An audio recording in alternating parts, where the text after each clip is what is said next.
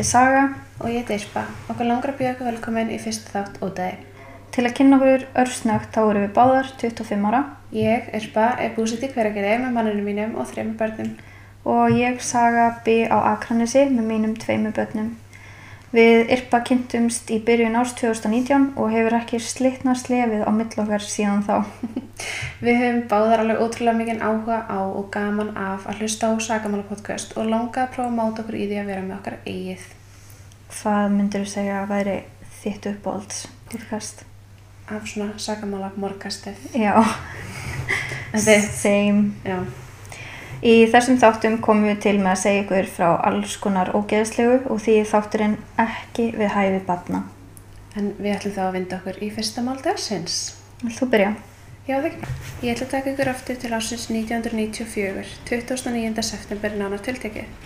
Þetta var þriðið dagur og þennan dag fættist Halsey, Ponti Sisters fengur stjórnu á Hollywood Walk of Fame. Fyrsta áfanga var vali kviðdómynda fyrir máli gegn O.J. Simpsons laug, en það voru 304 einstaklingar og vinsulustu laugin voru í bandaríkunum I'll Make Love to You með Boyz II Men og í Breitlandi Saturday Night með Vic Fields. Vá hvað veðrið er ekki að vinna með okkur. Afskið að heyrist, það er bara Oh my god. mjög leiðileg regning. Allavega, heilt yfir án efa ágættu dagur en ég ætla að segja ykkur frá afdrifum Green fjölskyldunar þennan dag. Margaret og Reginald Green voru stödd í ferðalagi á Calabria, Ítalíu á samt síni sínum Nicholas og dóttur sinni Eleanor. Að kvöldi þessa dags með þau kærði eftir A3 hraðbrutinni millir Salerno og Reggio í Calabria tók Reginald eftir því að bílinn fyrir aftan þau kærði frekar óþægilega og virtist að velt eld þau frá því að þau stöðva síðast en þau höfðu nokkur áður stoppað við vegasjöpu. Og eitthvað svo óþægilegt. Mjög. Hann ákveður að hægja á sér í þeirri von að bílinn fari fram úr honum og aftur er bílinn egur eins og hann ætli fram úr en keirir síðan bara samsíðunum og passa sig að vera þar sem Reginald fannst mjög óþægilegt. Mm. Þegar hann hálfvegis muldrar við sjálfan sig að þetta sé ekki skrítið, vaknar Margaret sem hafi sopnað og lítið til hliðar. Það var sem sagt að kvöldi til þannig að voru allir sofandi í bílum. Já. Ég man ekki hvort ég sagði það á þann. Held ekki. nei. En í bílinu við hliðina þeim sá hún tvo grímuklæta menn með byssu. Mennetri í bílnum skrúfa niður rúðuna og kalla eitthvað en þau skildu það ekki en það töluður ítölsku. Reginald brást við með því að gefa í til þess að reyna að komast frá þessum óþægilega aðstöðum en þá tóku mennetnir að skjóta á bílinn. Fyrsta skotið fór í afturúðu bílsins en þegar Margaret sneri sér við virtust bæði börnin en sofa vært. Og síðara skotið fór í bílstyruröðuna. Shit. Mm Krakka geta náttúrulega sofið, þú veist, í gegnum ótrúlegustu hluti. Já, en það sem tala um sko að það var svona þú veist, þetta er alveg hátt, þú- veist, þú fyrir rúðinu á hliðina og þau sofa bara í gegn það. My Mér finnst það magnað að þú veist, Já. Svo, uh, greinlega svo ekki um allt þessi börn.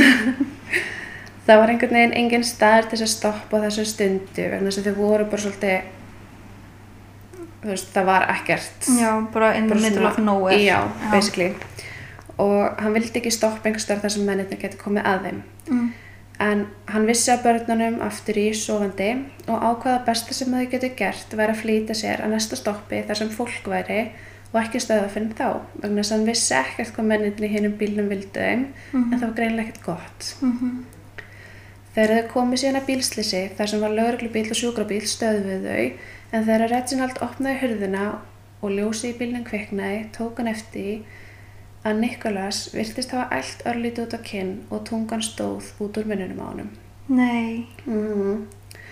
Það kom síður ljós að önnur kúlan hafði lent við neðsta hluta heila Nikolas mm. og hann var í dái.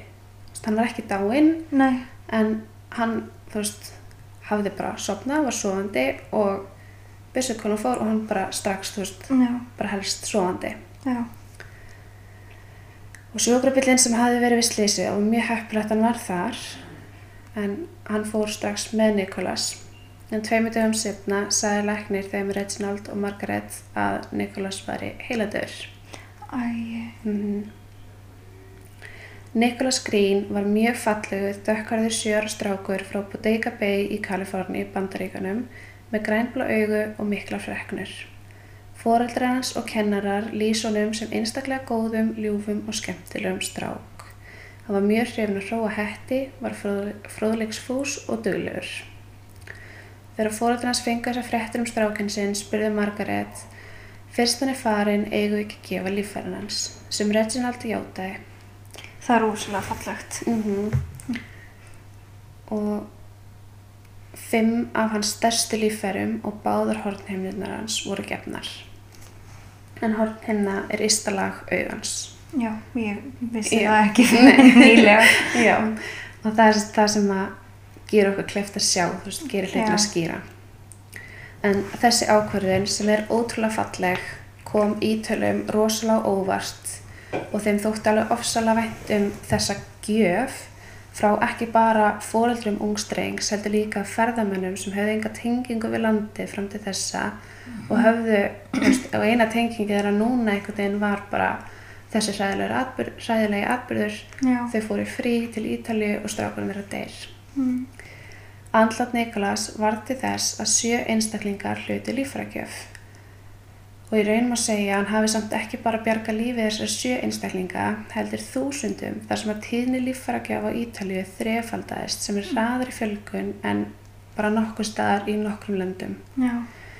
Og líffrækjöfum fjölgaði alls ekki bara á Ítalíu eftir þetta heldur bara mjög víða um allan heim. Mm. og á þessum tíma var Ítalía með næst legstu tíðni líffrækjafa. Það voru um 6 af hverjum miljón, minnum ég, Já. sem voru líffrækjafar, Já. sem er frekar ræðilegt. Já. En Reginald Green, sem er fadir Nikolas, sagði viðtali, fyrir okkur var þetta bara svo augljóst. Framtíð Nikolas hafði verið tekin frá honum en okkur fannst framtíðar möguleikar sem nýttist honum ekki lengur eiga að fara til annara. Í raun hefði það verið hræðilegt verk að hafa ekki gefið þessa framtíð áfram. Hann talaði líka um það að honum hafi fyndist leiðinlegast að geta ekki gefið freklunar hans Æi. og mér fannst það ótrúlega sætt Æi. það var alveg ofsalega sætar freknur og svona ofsalega miklar og svona, veist, svona stórar þú veist, það var alveg ábænandi Mm. ofsalega flott Æi. mm og ég ætla að segja þér aðeins frá þeim einstaklingar sem hlutu líffæragjöf frá Nikolas Mhm. en það er Andrea Mongiardo að hann fikk hjarta Nikolas þegar hann var 15 ára gamall og hafði verið mikið veikur mjög lengi og að tala um að það hefði minnað tveimur dögum og þá hefði hann ekki lifað af. Það tók hann tíma en hann komst aftur til heilsu og með hjarta Nikolas tókst hann um að geta unni vinnu, spila fótbolta og gera og upplifa ímislegt sem hann hafði aldrei geta áður vegna þess hvað veikur hann hafði verið sem barn og krakki. Ó, hvað þetta er fallegt. Það er smá. En Andrea lést þó árið 2017 þá 37 ára gamall vegna trefjamyndunar í lungum út frá livjagjöf sem hann hafi farið í þreymur árum áður vegna eitilfrumi krabbamenns. En þegar fóreldrar Nikolas fengu símtal og þeim var sagt frá þessu þegar hann dó Já. Og tekið fram að hjarta var samt ennþá starfandi og það var ekki, þú veist, ástæðan fyrir því að hann lést var ekki Ekki út af hjartan. hjartabilun eða neitt svoleiðis eða eitthvað svona út frá því að hann fekk greitt hjarta. Já.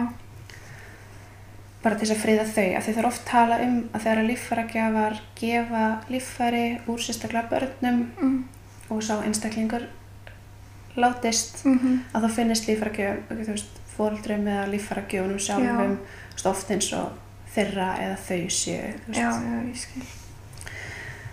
En þeim fannst það ekki vera þarna, þeim fannst bara ótrúlega dýrmætt að hafa þekkt hennan mann. Mm Síðan er það Francesco Mondello, hann var ungur faðir sem var að missa sjónina og fekk hornheimni frá Nicolas og hafði þá möguleika að sjá svon sinna ný. Síðan er það Tino Motta og Anna Maria Di Sigli, en þær voru báðar táningar sem hefði verið tengdar skilinarvélum sem eru dialysis machine. Já, svona blóðhrinsun eða eitthvað Já, þannig. Já, já. já. Mhm.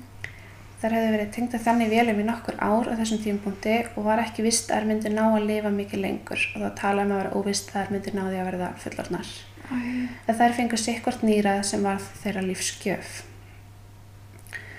Síðan er Maria Pia Pedala en hún fekk lifir Nikolas og þegar hún fekk líffæragjöfina var hún þegar í dái.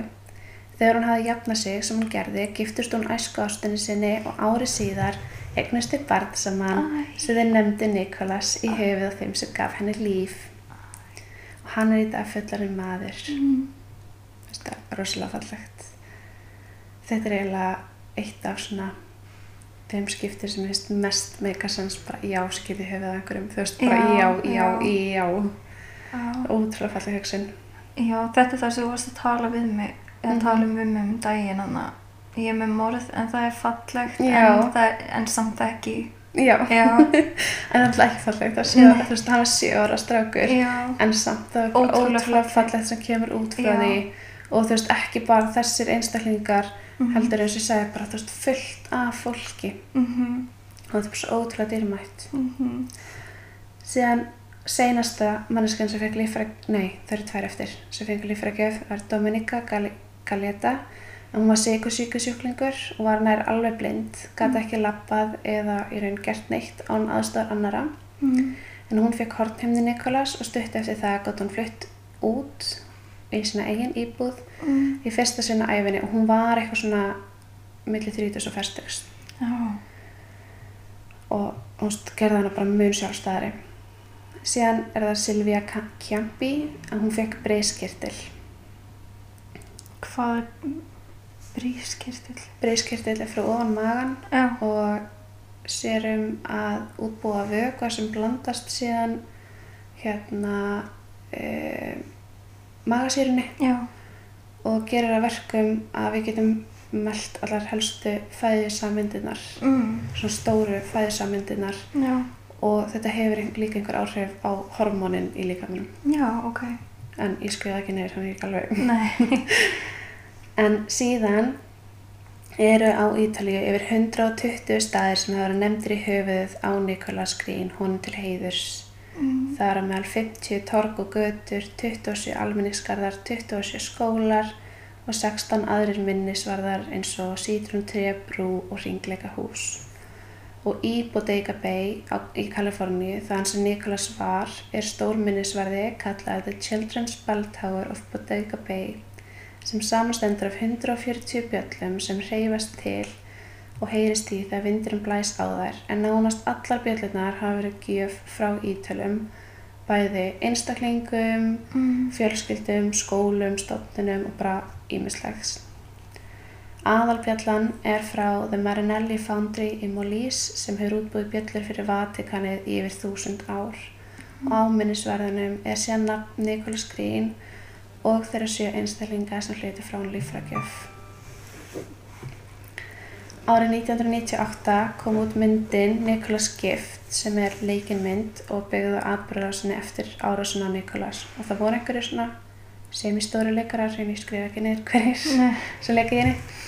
Og síðan er fa fadir hans Reginald Green sem var uh, reythöndur mm, hann hefur gefið tvær bækur um þetta The Nicholas Effect já, og The Gift That Heals sem fjallar sem sagt um líffrækjör já, En Reginald og Margaret egnuðist tvíbra saman árið 1997 og heldu einni áfram að ala upp Eleanor en hún hefði verið fjögur ár þegar þetta gerðist oh sem er okkurlega hræðilegt. Já, er hún, heldur hún muni eftir þessu, eða þú veist? ábyggilega ekki eða svona já og nei. Mm, þú veist, ég man alveg eftir hlutum frá því að ég var fjögur ára mm, og jafnvel yngri en sumt er svona, ok, man ég eftir þessu af því ég man eftir þessu. Já, eða Eða, sá ég þetta ljósmyndi eða eitthvað já, eða einhver sagði mig frá þessu Já. svo ofta ég bara eitthvað, já, ég man eftir þessu. Já, akkurat. þú veist, Mm þannig að, já en hún var alltaf sofandi eiginlega bara Já, allan tíman já, og sem ég held að það var ótrúlega gott að hann svaf í gegnum þegar bara hann var skoðin og svaf í gegnum þegar hann mm, fór með sjókrabílnum og þú veist sem er ábygglega bæði gott og hræðilegt af því hún fekk í rauninni kannski ekki mm, að kveðja hann. Mm. en þú veist hún er líka fjóra hún hefur ekkert skilning í að kveðja Nei. bróður sinn. Nei, akkurat, að ég fór að pæla svona, þú veist, hvort hún myndi muna eftir þessu, þetta er bara svona ógeðslega traumatic experience sem þú veist, já, ég menna þú veist það fer bara eftir ótrúlega miklu. Já, ég ætlaði að googla sko, veist, meira um hana. Ég fann Mhm. rosalega lítið um hana einhvern veginn svona eftir á. Já, en um, Reginald og Margaret stopnuðu líffærakjafa styrtarsjóð í nafni Nikola sem ber heitið The Nicholas Effect. Mm. og þau ferðast reglulega til Ítalíu þar sem starfsemi sjóðsins er mjög tengd Ítalíu Mm. Og við erum að tala um minnst að fyrstu tvisvarsunum á ári og Reginald áallan hafi farið þangað núna yfir 40 sunum. Já. Síðan er það líklega það sem við höfum beðið eftir flest í ofanni Mm. eða glimt, af því ég gerði það mjög oft í að hlusta þessum Já. er sem sagt mennið þessi bara ábyrgð Já. á dauða Niklas. Já. En ég vildi gefa þessu minnst plást, þar sem að allt sem ég hef lesið og hlusta á gera þannig að þeir, veist, eru bara algjört aukaðri Mhm. eða bara nánast ekki tala um. Mhm. Ég hlustaði á, þú veist, fyrsta podcastið sem ég hlustaði á sem tók fyrir þetta mál var hérna My Favorite Murder Já. og þær takk ekki einu sinni fram hver er að, hérna, veist, hver var morðingin. Já. Um, en þeir, þeim var náð Já. og það var þann annan nóvumber árið 1994 sem ítalska lauruglan handtók tvo menn sem báður tilherðu ítalsku mafíunni. Það voru Francesco Messiano og Michele Ianello. Mm. Mál þeirra var tekið fyrir þann 17. janúar árið 1997 en rétturum var þann hátt að þrýr dómarar sáum að dæma þá Mm. og voru þeir dæmdir ekki sekir. Ha? Já, þar sem að dómararnir sögðu að skotmyndir hefur klættir grímum og því engin leið að vita að þetta væri raun Francesco og Michele. Mm. Það var ekki hægt að sanna það. Málinu var vissulega áfríðað og sneri áfríðinu dómstólinn sem samanstofað einum dómara á kviðdómi, fyrir dómi við og dæmti á seka. Mm. Michele Ianello sem var skotmaðurinn hlaut lífstíð dóm en Francesco Messiano hlaut 20 ár. Máli var síðan tekið upp í hæstarétti en þar var fyrir ákvörðin staðfest. Mm. Ég fann ótrúlega lítið um þá og um þú veist hvar, hver sönnunagögnin voru og hvernig rannsóknin Já. fór fram en hvorur mannana hefur nokkuð tíma viðkjönd að hafa verið viðrinnir málið að nokkur leiti en Michele Ianello játa á sig fyllt af öðrum brotum Mm. en morðu á Nikolas sagði hann að bróður sinn Giuseppe Ianello bæri ábyrð á. Mm.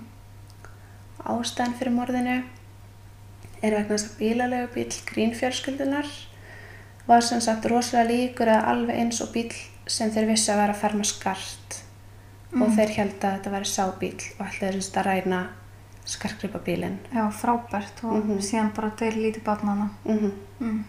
Æðislegt. Já, svo mikið af ótrúlega heimsku fólki.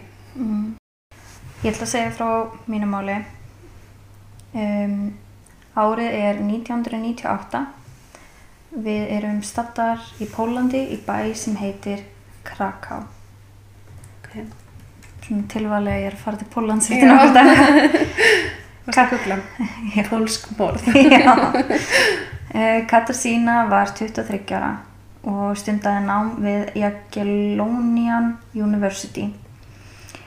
Þar ætlaði hún að læra sálfræði en í kjölfar andlát föðurinnar breytti hún um stefnu og ákvaði að læra trúabræðafræði. Katarzyna var vingjarleg en hún átti það til að vera svolítið lokuð og halda tilfinningunum bara fyrir sig af því að hún vildi ekki vera byrði fyrir fólkið í kringum sig. Ægi. Jú. Hún var frekar hlétræg og þá sérstaklega þegar kom að einhverjum viðbörðum eða samkvæmum. Uh, Katarsína hafði glimt við þunglendi í alveg nokkur ár en hún hitti reglulega geðalækni í Nova Huta. Uh, fun fact, Krakow er sem sagt skipt niður í átján mismunandi stjórnsýslu umdæmi Já, og Nova er einn af þessum átján. já, ok. Já, en þetta er sem í En svo í Krakow. Já, Já, ok. Ok, ég skil. yes. Eftir andlát föður Katarsínu urðu hún og mamminar mjög nánar. Það er hjálpuðu hver annari með að takast á við lífið eftir andlát föð, föður hennar Katarsínu. En mamminar kom oft með henni til geðlæknis. Æ, hvað það er dýrmætt. Já. Það er svo... Hljóma líka eins og eitthvað sem, þú veist, með þessu úrspunn sem hjá hana, eitthvað sem að Mm hún hafa alveg þurfti að halda. Já. Æ, 12. november 1998 fann móðir Katarsínu á sér að eitthvað væri ekki í lægi þegar Katarsína mætti ekki í tíma sinn hjá gæðleiknunum sem mamman er alltaf að fara með henni í. Móðir Katarsínu uh, fór í kjölfara þess uh, til örglunar uh, og ætlaði að leggja inn svona missing person report en henni var þá sagt að býða bara áður en hún myndi blanda lögreglunni inn í málið hún Já. væri jú 23 ára og var líklegast bara með vinu sínum eða hún hafi glimt tímanum hjá geðlækninum að þú veist það væri bara í öllum, að öllum líkitum allt í góðu með hana. Uh, ósátt með svörum frá lögreglunni fór móðir hennar að leita af henni en án árangurs. Ok. uh, það var því lítið sem hún gætt gert annað en að býða og vona að hún myndi skila sér heim heila hófi. Það leit allt út fyrir það að Katarsína hafi bara gufað upp. Orðrómur fór á stað uh, um það hvort hann hafi stungið af eða og, já, stungið af að láta sig hverfa eða Já. hvort að þunglindi hafi bara orðið það yfirþyrmandi að hún hafi tekið sitt eigi líf Já. Uh, Fólki í kringum hana hafði tekið eftir breytingum hjá henni. Allt í einu lita hann hárið á sér ljóst, hún fór að grennast og var farin að skrópa í skólanum. Þannig að þá var litið á það að það væri möguleiki á því að hún væri kannski bara farin að hitta einhvern og hafi stungið af með honum. Já, já. Já, Mm. mjögulega. En samt einhvern veginn. Bara rosalega mikið out of karakter, Já, allt mjög. Mm. En við veist líka ótrúlega leilt hvað er alltaf bara, já, þessi bara stakk af. Já, Hversu oft samt í raun gerist það Mhm. að einhver stingur af upp þurru. já, lætur ekkert vita og skilur ekkert eftir sig. Nei, og líka bara hún er orðin náum mömmu sinni Mm var alveg í stóra áfalli sem að þær báðar, þú veist. Já, Já. 7. januar 1999 eða tæplega tveimur mánuðu setna var áhöfn dráttabátarins Elk að sigla um Vistúla á eða fljót. Uh, Vistúla er lengsta á í Pólandi og níun, níunda lengsta í Evrópu og hún er rúmur kílómetr á lengd. Já. Áhöfnin kom auga á eitthvað fljótandi í ánni og reyndu að sigla bátnum frá sem gekk án árangus. Þessi fljótandi hlutur sópaðist undir bátinn og festist í skrúu bátarins. Og ég tekkaði hvort þetta væri, hvort ég væri örglega að segja rétt í skrúu bátarins en þetta er kallað skrúa. Já, hann undir. Já. Já. Ég alveg bara, neða, getur ekki verið. uh, maður sem er nefndur Miroslav M. í skýslum og ég held að, það, veist, að þetta sé bara eitthvað svona uh, nafn sem var gefið upp á passa hans friðhelgi. Já, já. Að sens. já, finnst ekkert, þú veist, ekkert um hann. Nei, nei. Uh, hann var að vinna að bátnum og ákvað því að fara að kanna hvað var þarna sem var festist í skrúinni. En aldrei hefði honum getað dottið til hugar hvað var þarna fast. Hann lísti því sem hann sá sem föllituðum og illa lyktandi póka eða sekk. Við nánari aðtugun kom hann auga á eitthvað sem að hljómar eins og sér klift úr hryllingsmynd. En á þessum sekk uh, sá hann sem sagt eira á mannesku. Mm. Fölitaði sekkurinn reyndist vera skinn á mannesku. Uh, það var ekkert inn í þessum sekk, ekki, þú veist, ekki, engin bein, ekkert blóð, þú veist, engin líffæri, ekki neitt, bara, það var bara skinnið. Oj. Yes. Skinnið hafði verið mjög innan gæðsalappa snirtilega uh, klift af eða sérst skorið af líkamannum og saumað saman aftur á sumum stöðum. Oj. Á skinnið uh, vantaði samt fótlegi, hendur, andlit og gerfurtur og ég með mynda þessu fyrir þig. Þetta er sérst skinnið sem fannst Oj. Og þetta er teikningin af því hvað vantaði hérna. Já. En veitu, hvað var það eira sem hann sá? Herri, það var Var hérna. saumað á? Já, What the fuck? yes. Ég er það? ég bara, Ég ætla að taka alltaf með þess að það eira aftur. já, Ok. ég ætla að setja mynd af þessu inn á Instagramið. Já, endilega. Uh, við rannsókn málsins uh, komst krupnilgalæknir að því að skinni tilherði kvennmanni. En ekki hefur vitað hver fórnalambi var á þessum tímapunkti. Krupningalæknir komst einnig af því að skinnið hafði verið í vatninu í um 2-3 vikur og leit út fyrir að sá sem hafi gert þetta hafi verið að búa til skinnbúning. Yep. Nokkur dögum setna fundust sundutættir partar af peysu fórnalampsins ásamt hluta af hægri fæti sem hafi skólast upp á land. Fljótlega eftir að rannsók byrjaði var óskað aðkomi FBI og fleiri sérfræðinga til að hjálpa greina hvert fórnalambi væri og til að koma einhvers konar prófíla á hver gerandi væri. Mm Innan nokkra vikna komst í ljós uh, með DNA rannsókn að líkamslegarnar væru af Katarsínu. Ok, og vonandi einhver rannsókn búin að vera í gangi og leita að henni. Ég finn ekkert um það, ekkert nema bara Nei. að mamman fór hérna og þú veist, baðum að setja inn svona, þú veist, Já, ég vona samt innilega hennar vegna að það hefði á einhverjum tímapunkti Já. einhver. ég, já, ég vona það. Úff. Almenningur var vægast sagt í áfalli að svona ung kona hafi lent í þessum hræðilegu örlögum og var pressan á rannsaköndu málsins við að finna gerandan meiri og meiri með hverjum degi sem leið.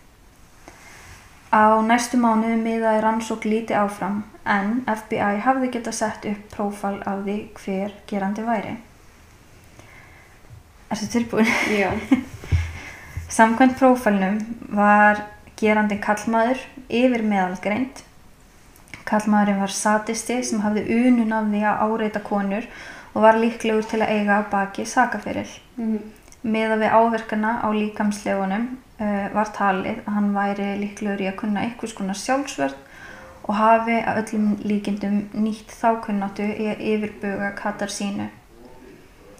Einnig var áætlað meða við hver snirtilega húðin hafi verið skorin af mm. uh, að gerandin var í skurðlæknir, klæðskerari, slátrari eða þú veist í einhverjum, Já, einhverju svona starfskrein sem að, mm já. Út frá áverkum var hægt að sjá að Katarsína hafi verið uh, lamin og stungin í háls, áða handakreika og sikkur megin í náran. Og mér finnst ótrúlegt að það hafi, þú veist, verið hægt að sjá þetta bara út frá skinninu. Já, Mm líka því að þú veist, það er saumað með myndina akkurat þarna sem handakrikin er Já, og er henni nárin líka. já, Þannig að Mhm. mögulega, hef- þú veist, hann ætti alveg að hafa getað saumað yfir þess að fela hann hefði stungið en samt, þú veist, en hann alltaf var að búið sér til búning. já, en þú veist, hvernig, já, hvernig Mhm. bara, þú veist, er hægt að finna út, já. Já. Eh, Eftir að hún dó hafi hún verið uh, eftir að hún dó og var húðflett hafði húðin hennar verið saumu saman aftur af þessum búning og áallega var að Katarsína hafi verið haldið lifandi í um mánuð eftir hún hvarf. Æi, Mm, Manga veldur átti sér stað um það hvort það væri verið að tala, eða sérst hvort það væri um að ræða copycat út frá myndinni Silence of the Lamb já, en skinnbúningurinn sem fannst í ánni svipaðist virkilega eftir þeim í myndinni. já. Ég það sé Silence of the Lamb. Ég man ekki hvort ég sé hana. Ég held að það sé eina myndina sem mamma alltaf tala um hann alltaf hann og Birds. Ég hef aldrei séð hana. Nei, henni fannst það svo mikið alltaf við byggum við andatjöfni í kókó einsni Já. og hún var alltaf að horfa út um gluggan þegar það var svona fugglar og eitthvað og ég þarf ekkert fann að sína Birds. Í mæ 1999 barst lauruglunni símtal frá eldri manni sem tilkynnti það að lík sonar hans væri hans.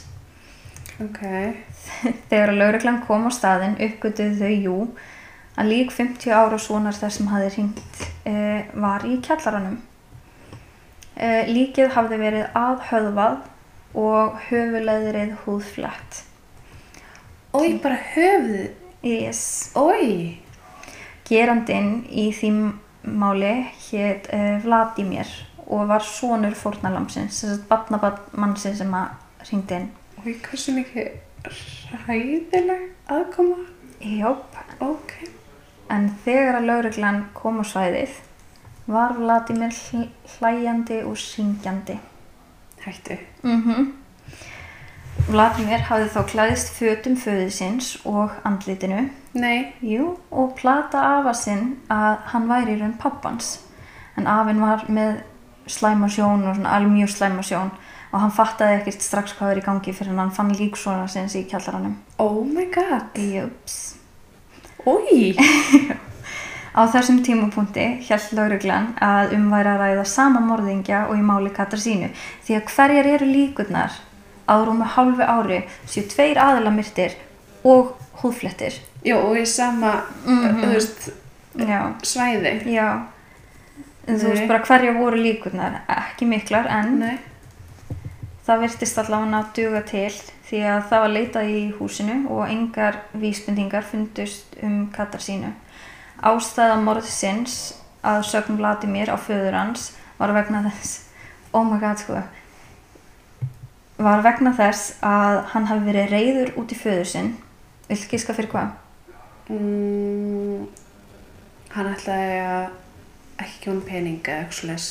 Nei, vegna þess að hann hafi haldið fram hjá móður sinni Ok. og þar að leiðandi skemmt fjölskylduna og lífið hans. Ok, Mm já.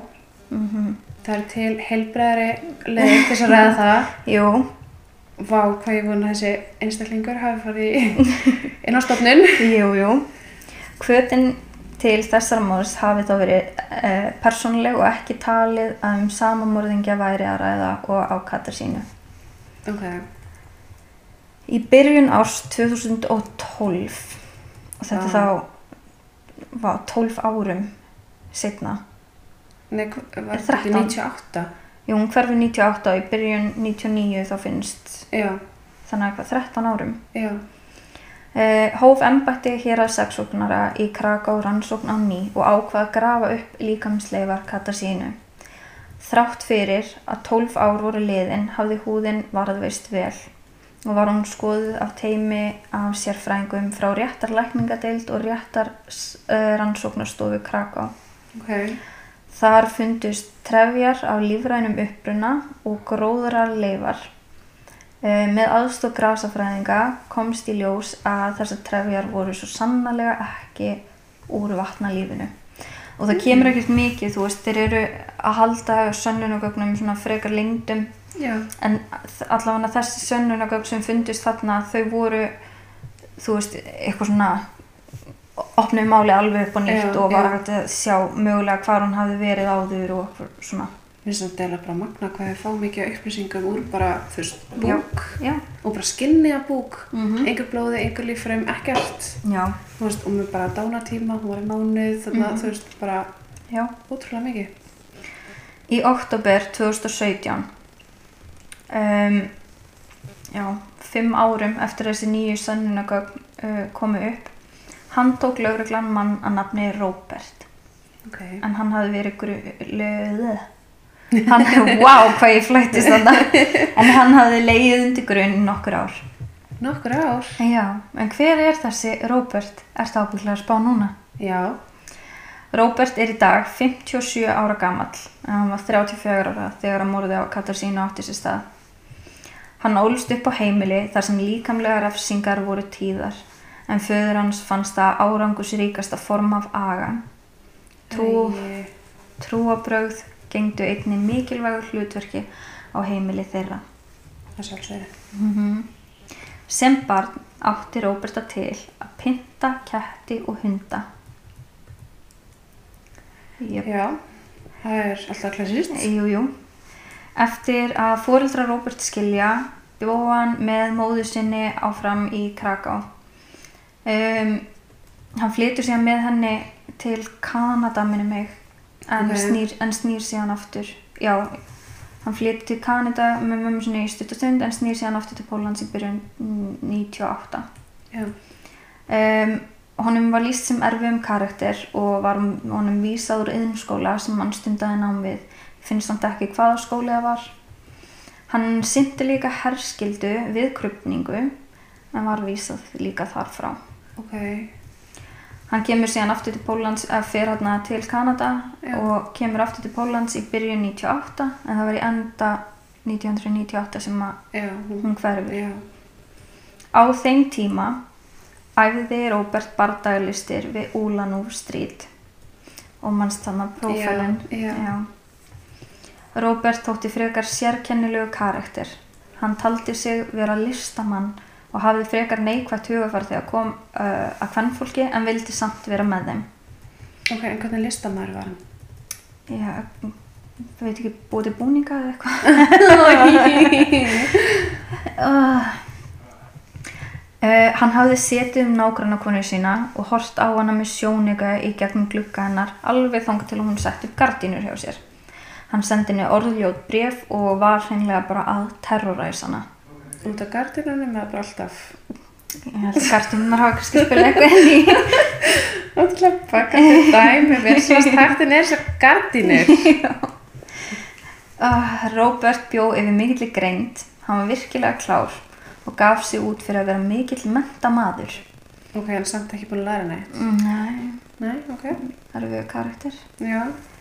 Uh, hann hafði gaman að því að fara í bíó og taka göngutúr um við stúla ána áinn þar sem Katar sína fannst. Já. En hann bjó, sérst, heimili sem hann bjó í, það er líka þarna rétt hjá þessari á. Mm Hendur. Ég skrifaði ekki inn, ég bara myndi allt hérna eftir. Já, já. Mm. Hver er það ég komin? Já, hann starfaði í Jagiellonian háskólanum við dýrafræði. Samskóla hún var í... Jeps. En hann var líka reikinn þaðan eftir að hafa drepið allar tilrauna kaninurnar. Ok, illa skrítin gæði. Eh, Já.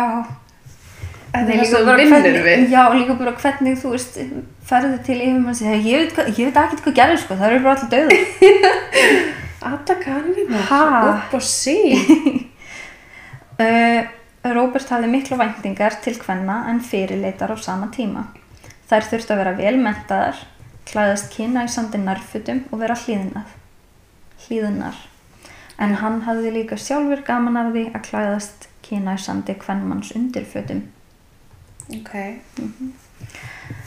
Uh, að því sem ég skilst og taki því samt með fyrirvara því að ég var að lesa og translita í gegnum hellinga pólskum greinum Já. það er rosalega lítið einhvern veginn, þú veist það er náttúrulega komið meira og meira og meira veist, á ennsku og margir búin að taka þetta mál veist, í podcastum og svo les Já. en flestar upplýsingarnar eru bara veist, inn á pólskum fréttasíðum og svo Já, les alltaf eldra pólst Mhm. mál, hana. Já. En af því sem mér skild, uh, skildist þá hafið við kynst í gegnum háskólan og byrjað eitthvað að deyta. Uh, var því talið líklegt að breytingin á Katarsínu og skrópin í tímanum hafi verið sérst fyrir hann. En hún Mm. litaði hárið á sér ljóst sem var uppáhaldslitur hans þegar kom að kvennfólki. Ok, Yes. frábært. Uh, eftir morðið heimsótti Róbert Gröf Katarsínu á hverju kvöldi í rúmt ár. Uh, sagði kirkjugörðavörðurinn að hann hafi stundum líka komið með bref sem hann hafi grafið þarna, í- þú veist hjá henni, Já. en þau fundust aldrei. Líklega bara Já. Brotnaði og... Mm. Hann byrjaði þá uh, líka að sækja mikið í kirkju og var sagður, var sagður hafa breyst í algjöran dýrling eftir þetta tímabilaðna sem að kata sína deyr. Já. 2017 var hafinn leit yfir heimili Róberts og fannst þar blóð inn á baðherbyggin hans. Eftir, Svona mörg ár, já, bara ha, hvernig? ekki hugmynd. Annarkvæmt þreifan bara ekkert? Já, en ég var samt sko, ég var að horfa á þátt með, ég man ekki hvað var kompás eða lögreglan Já.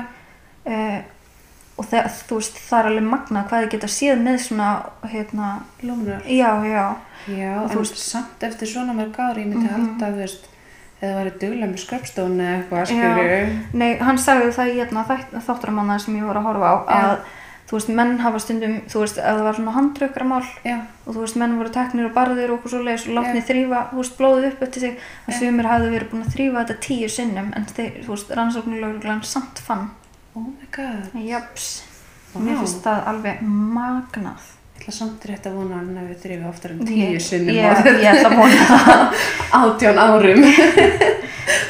Ég veit ekki of hverju þetta tók þetta langan tíma að handtaka Róbert. Mögulega út af, þú veist, tæknin var ekki eins góð og hún er núna. En að lókum var Róbert handtekinn fyrir morðið á Katarsínu. Við yfirheyslu játa hann morðið en setna meir dróða hann á sig tilbaka.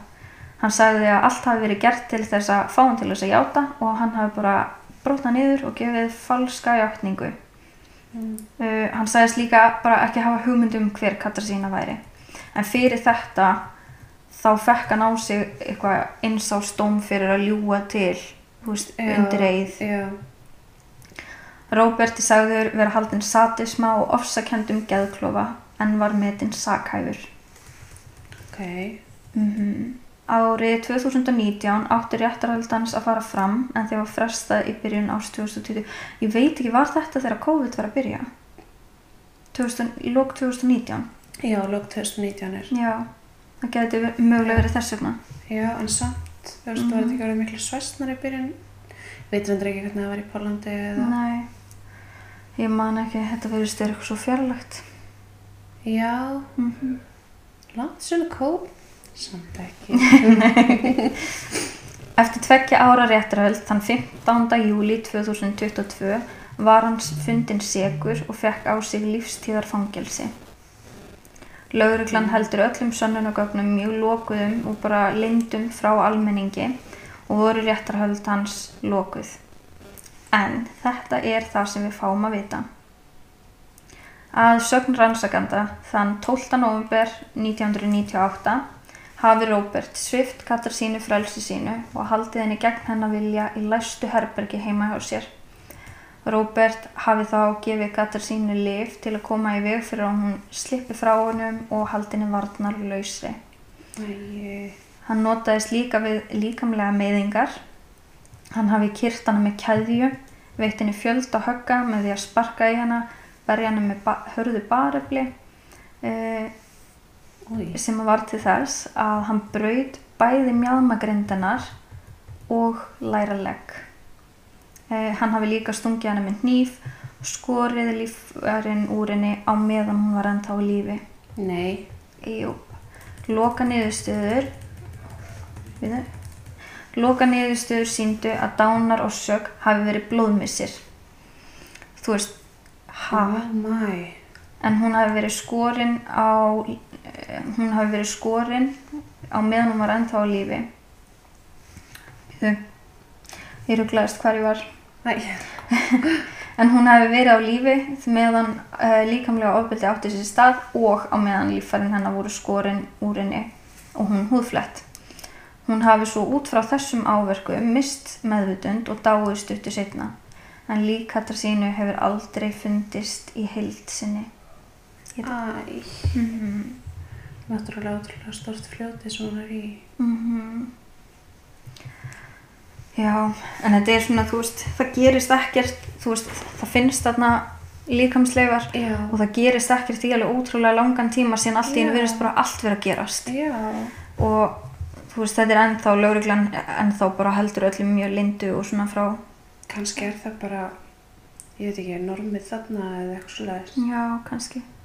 En fun fact, Já, eh, að það var tekið viðtal við föður hans Roberts En ok. hann heldur því fram að svonur hans er saklaus og lögreglan hafi bara verið að reyna að finna eitthvað blóraböggul. Ó, Já. Og sagði það að Róbert var í gjörsalega niðurbrotin og greti bara. Sem ég er alveg svona, þú veist, að finna blóraböggul, já, og, en oft hverju 17 árum setna. Já, alveg langur tími til þess að Bara- að þetta. Já, bara nei, nú skulum við fara að opna upp eitthvað gömul mál og bara finna eitthvað til Já. þess að þú veist, þetta bara meikar ekki sens. Mér ekki ekki líka pappan svo öllum minnum sér bara eitthvað, æ, grei sonu minn. Já, Ég akkurat. meinar er grei sonu eins og þú landir alltaf. Já, Mhm. nákvæmlega. Nei, þetta er bragi.